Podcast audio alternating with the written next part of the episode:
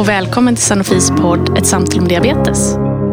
I den här podden som riktar sig till vårdpersonal kommer jag, Ida Wallin som jobbar som medicinsk rådgivare och Andrea Olin som är produktchef samtala med kunniga personer kring diabetes.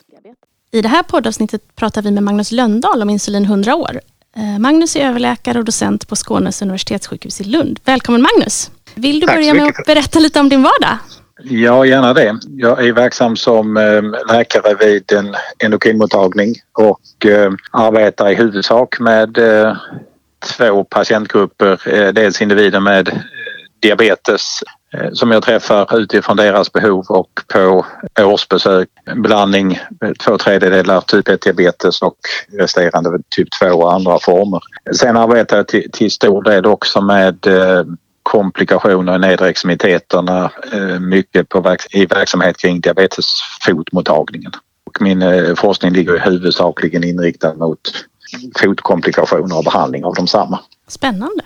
Du, Magnus, eh, upptäckten av insulin fyller ju 100 år i år, alltså 2021. Kan du berätta lite om hur det var att ha diabetes innan det fanns insulin?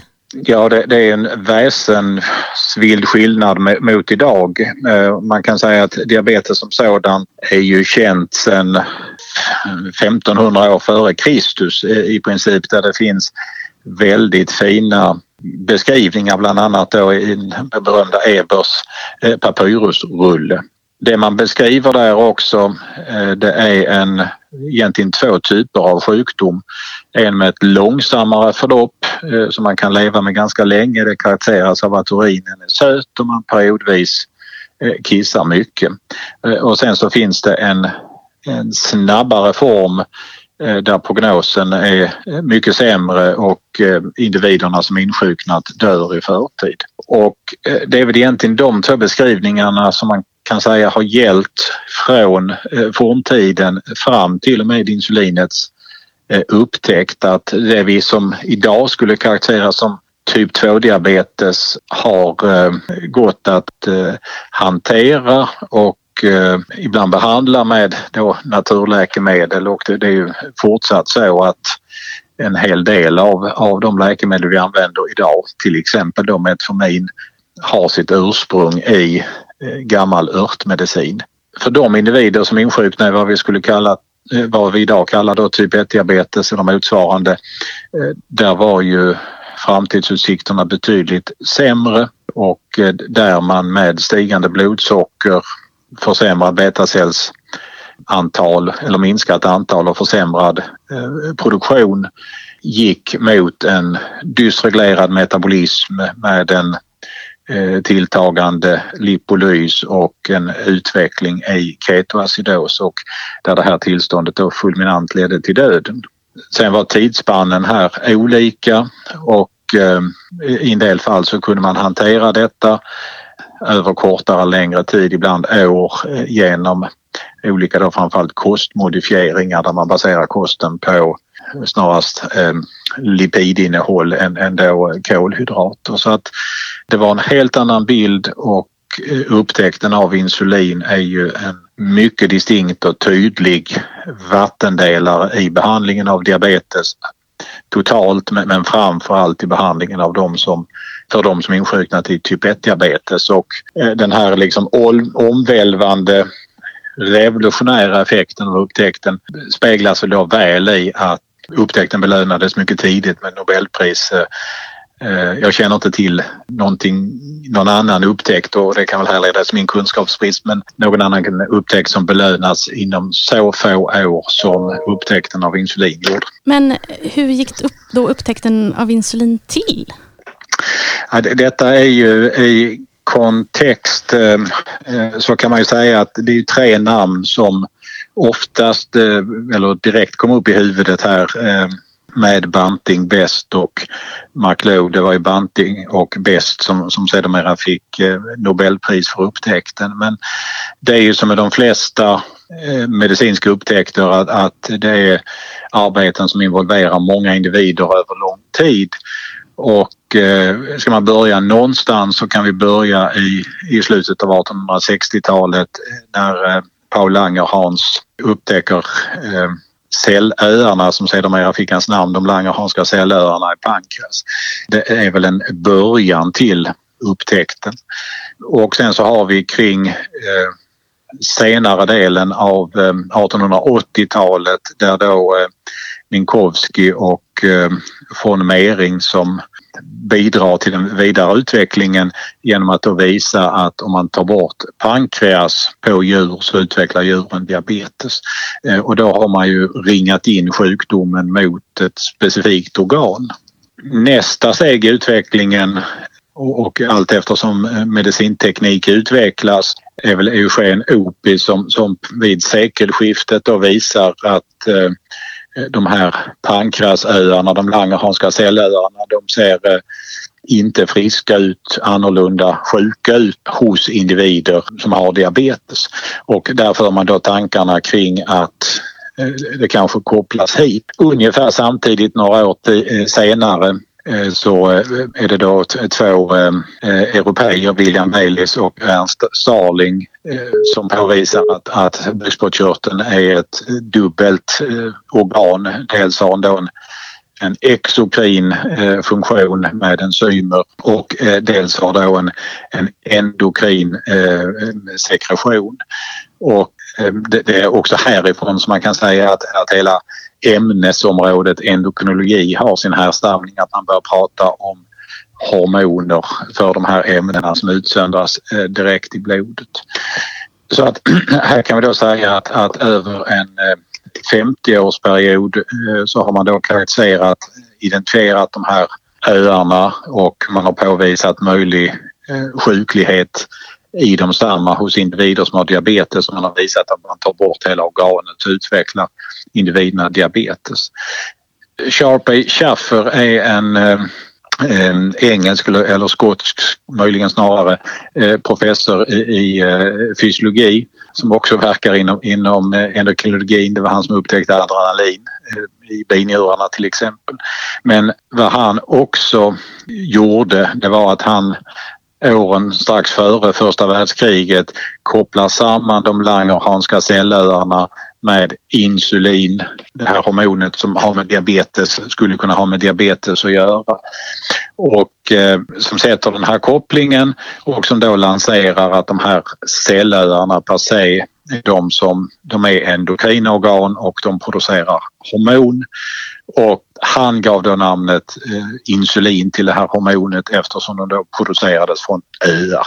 Det som händer sen eh, under åren före och under egentligen hela 10-talet det är att det är massor med forskningsgrupper eh, som då jagar och försöker hitta det här då hormonet insulin och eh, det finns eh, om man tittar bakåt hundratals publikationer från, från den här tioårsperioden där man försöker då eh, injicera delar av bukspottkörteln eller olika extrakt från bukspottkörteln för att behandla diabetes. Men, men det görs då utan större framgång.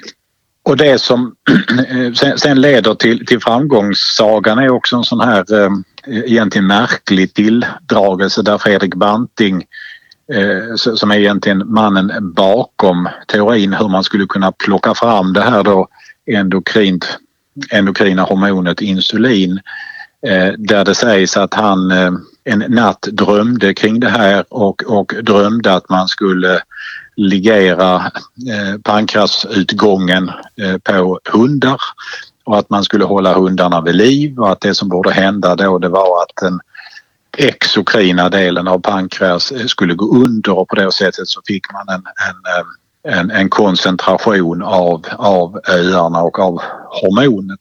Det som är också det att Fredrik Branting han var läkare, han var egentligen läk ung läkare utan egen praktik och nästan utan egen försörjning. Han hade ingen som helst eh, forskningskoppling eller forskningsutbildning och ingen connex till, till, till forskningsenheter men, men eh Eh, via eh, en professor på det lokala eh, universitetet så, så, fick han då en rekommendation att ta kontakt med John McLeod i Toronto och John McLeod var vid det här tillfället en, en eh, världsledande fysiolog eller professor i, i kolhydrat, med inriktning mot kolhydratfysiologi. Och eh, de träffades eh, under senhösten eh, 1920 McLeod var en ja, tänkande skeptisk eh, person och hade flera eh, frågor och var inte positiv från början till det här medan eh, Fredrik Banting då låg på och, och återkom och återkom. Och det hela slutade med att, att McLeod gav med sig och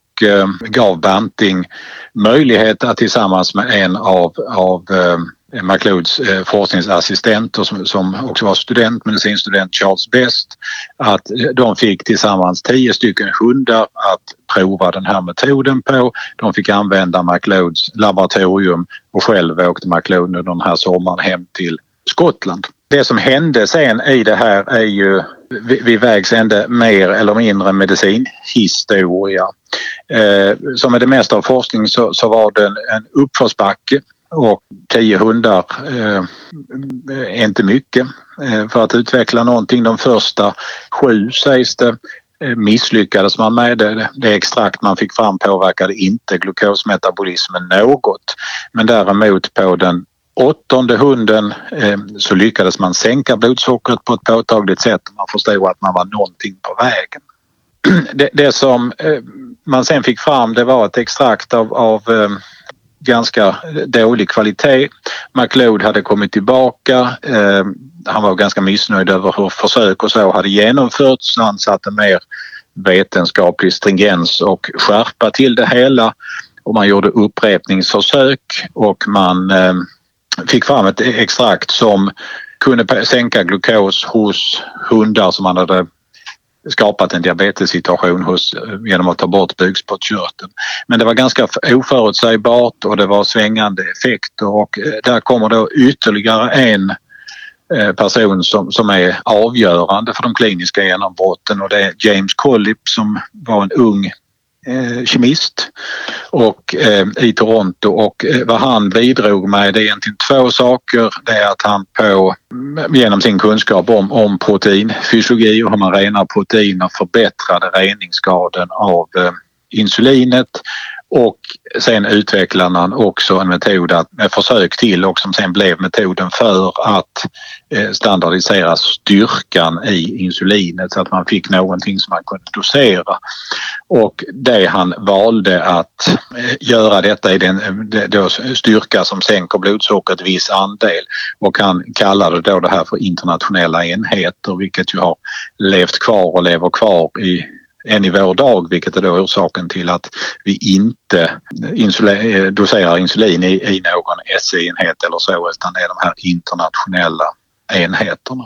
Vad de här prekliniska experimenten sen ledde fram till det var att man hade eh, eller fick ett pankrasextrakt Eh, Eh, och eh, det blev pankrasextrakt från eh, ko i de första som man bedömde var så rent att man provade detta. Detta ledde då till att den första insulininjektionen på människa gavs den 11 januari 1922 till Leonard Thompson.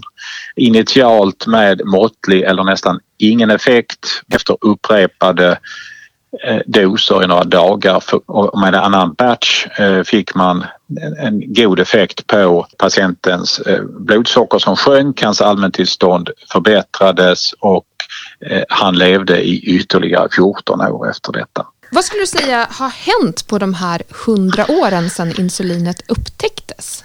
Det har ju hänt väldigt mycket. Man kan säga eh, patent på insulin tog sommaren 1922 och eh, produktionen på större basis togs i kraft bara månader efter det. I början på 23 så kom publikationer på att ett flertal patienter, första publikationen från Banting eh, och Best, inte McLeod, på, på det arbetet beskriver effekten på 50 patienter och många med väldigt god Eh, effekt och patienterna överlevde. Det som hände under efterföljande decenniet det var att man räddade individer med typ 1-diabetes eh, till livet men det är ju en väldigt grov eh, behandling och den metabola kontrollen var ju långt ifrån optimal så att man kan säga att det som utvecklades under senare delen av 20-talet och början på 30-talet är ju komplikationernas årtionde där Eh, mycket av det som vi känner som allvarliga diabetesrelaterade komplikationer visualiseras. Eh, de här första insulinerna är ju rent eh, är ju insulin från djur, huvudsak från gris eller från ko och det är ju insulinet i sin rena form som injicerades. Vilket innebär då att varaktigheten är ju var sammanhanget lång för att vara kort men kort för att vara lång vilket ju gav svängande blodsockerkontroller. Det höll eh, ketoacidosen borta. Det som händer eh, under senare delen av 30-talet det är då olika former för att kunna förlänga effekten av insulin och eh, där då eh, protamin och eh, zinkprotamintillsatser är, är det som blir metoden under senare delen av 30-talet och sen 1950 så lanseras och på uppdrag från eh, Köpenhamn här med Hagedorm MPH neutralt eh, protamin, hagedorm, som är ju den metoden som vi fortfarande ser och använder i eh, de klassiska MPH-insulinerna. Så att det är ju en modell som har 70 år på nacken. Det är ju fortfarande så att det är insulin från djur som används och det fortsätter egentligen fram till 80-talet eh, då man med möjlighet av, eh, eller med, hjälp av bakterier eh, och gästceller kan då producera rekombinant humaninsulin och det är ju det som har den metoden som används sedan dess att man får fram insulinet i stora jäskar istället för från, från kadaverindustrin.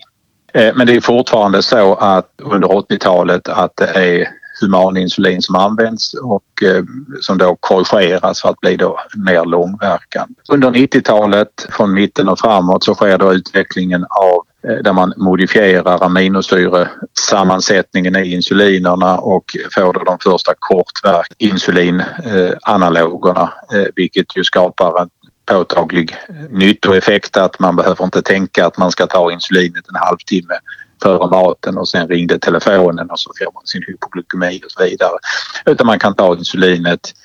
Eh, det har en snabbare anslagseffekt och man kan ta det när man äter i princip det är ju där vi befinner oss i stort idag eh, på de kortverkande insulinerna som är ju i mångt eh, väl funktionella och som har blivit lite snabbare med tid. Under 2000-talet så sker då motsvarande utveckling eller rättare sagt lansering gällande då de långverkande insulinerna och det är ju då eh, insulin Glagin och och eh, insulin Detemir eh, som är två olika metoder. Det ena med att man förskjuter eh, insulinets precipitationsförmåga utifrån pH och det andra att man kopplar det till en fettsyra så blir det här stabila långverkande insuliner som ju i princip täcker dygnet och därigenom blir ett basinsulin för hela dygnet. Och det som fortsätter utvecklingen på det här det är att man när man då använder, önskar koncentrera insulinglagin för att volymen ska bli mindre till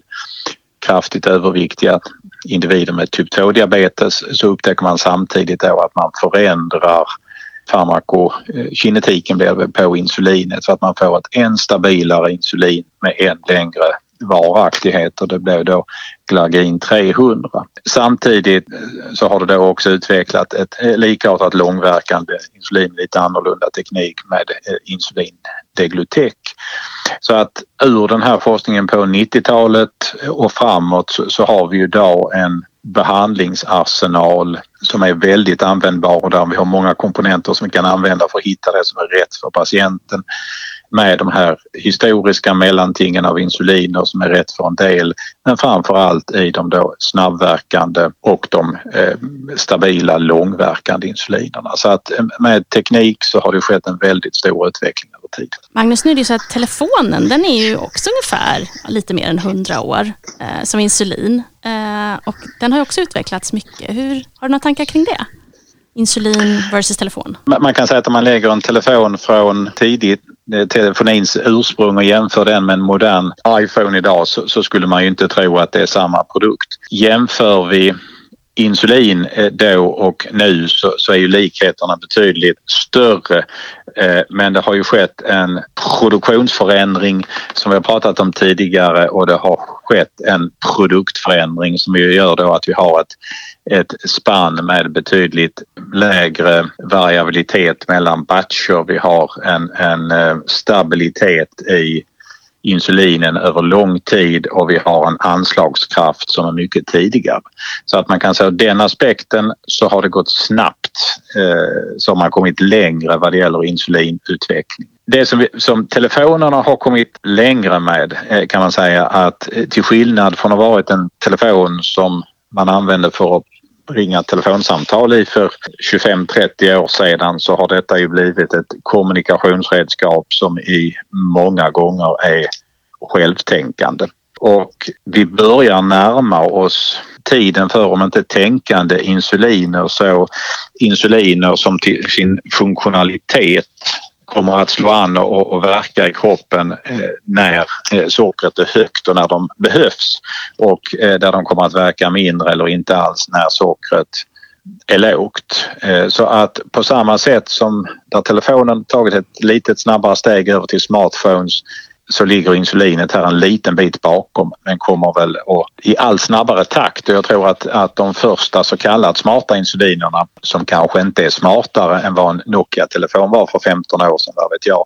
Men jag tror att vi kommer att se dem i klinik eh, inom en inte allt för lång framtid och sannolikt definitivt inom, inom kommande tioårsperiod. Sen så skulle jag vilja säga att man ska inte bara jämföra insulin och telefon utan eh, den smartphonen som vi har idag är ju en förutsättning och en viktig komponent i de smarta looparna eh, där vi faktiskt idag har eh, möjlighet att erbjuda patienterna inte självgående system men eh, i mångt och mycket självkorrigerande system där de har ett modernt snabbverkande insulin i sin insulinpump via smartphonen kommunicerar med en CGM och via algoritmer i smartphonen eh, styrs insulintillförseln via pumpen så att man kan säga att det inte bara jämföra dem utan de har blivit goda samarbetspartner också. Ja, Magnus, nu har vi pratat om hur det såg ut för hundra år sedan och vad som har hänt sedan dess. Jag tänker om vi blickar in lite i framtiden. Hur tror du det ser ut om hundra år igen? Det är alltid så att tiden går eh, fortare och fortare och eh, hur ser det ut för insulin om 100 år? Eh, skulle vi börja och, och titta utanför typ 1-diabetesbilden så, så, skulle jag tro att mycket av typ 2-diabetessjukdomen har vi utplånat via andra Eh, smarta glukosreglerande läkemedel och läkemedel som motverkar övervikt. Så att förhoppningsvis så kommer behovet eh, hos den stora och växande patientgruppen eh, som utgör individer med typ 2-diabetes och nästan vara borta. Jag tror inte att människan kommer att vara så smart som man tränar bort det per se dessvärre. Tittar vi på typ 1-diabetes så tror jag att de smarta insulinerna har utvecklats och eh, kommer att finnas. Eh, men förhoppningsvis eh, så kan det också vara så att de kommer att vara en marginalprodukt till all annan behandling som kanske består i stamcells på stamcellsbasis där man med regelbundenhet kan eh, tillverka eller kroppen kanske själv kan tillverka nya insulinproducerande eh, celler. Och där vi kan eh, reglera de här många olika typerna av typ 1-diabetes som vi säkert har identifierat då genom specifikt modifierbara läkemedel. Vilket gör då att eh, insulinet som, som var revolutionerande när det kom för idag 100 år sedan och som spelar en mycket betydelsefull roll för alla individer, diabetes och i synnerhet typ 1-diabetes idag, har blivit en marginalprodukt om 100 år. Tusen tack Magnus för att du ville vara med i vår podd och berätta om insulin 100 år. Om du som lyssnar önskar återkoppla till oss, hör då av dig till ett samtal om diabetes sanofi.com. Och denna e-mail finns också länkad till vid infotexten till vår podcast. Ett tips är att prenumerera på vår podcast så du får notiser när nya avsnitt blir klara. Tack så mycket för att ni lyssnade. Hej då!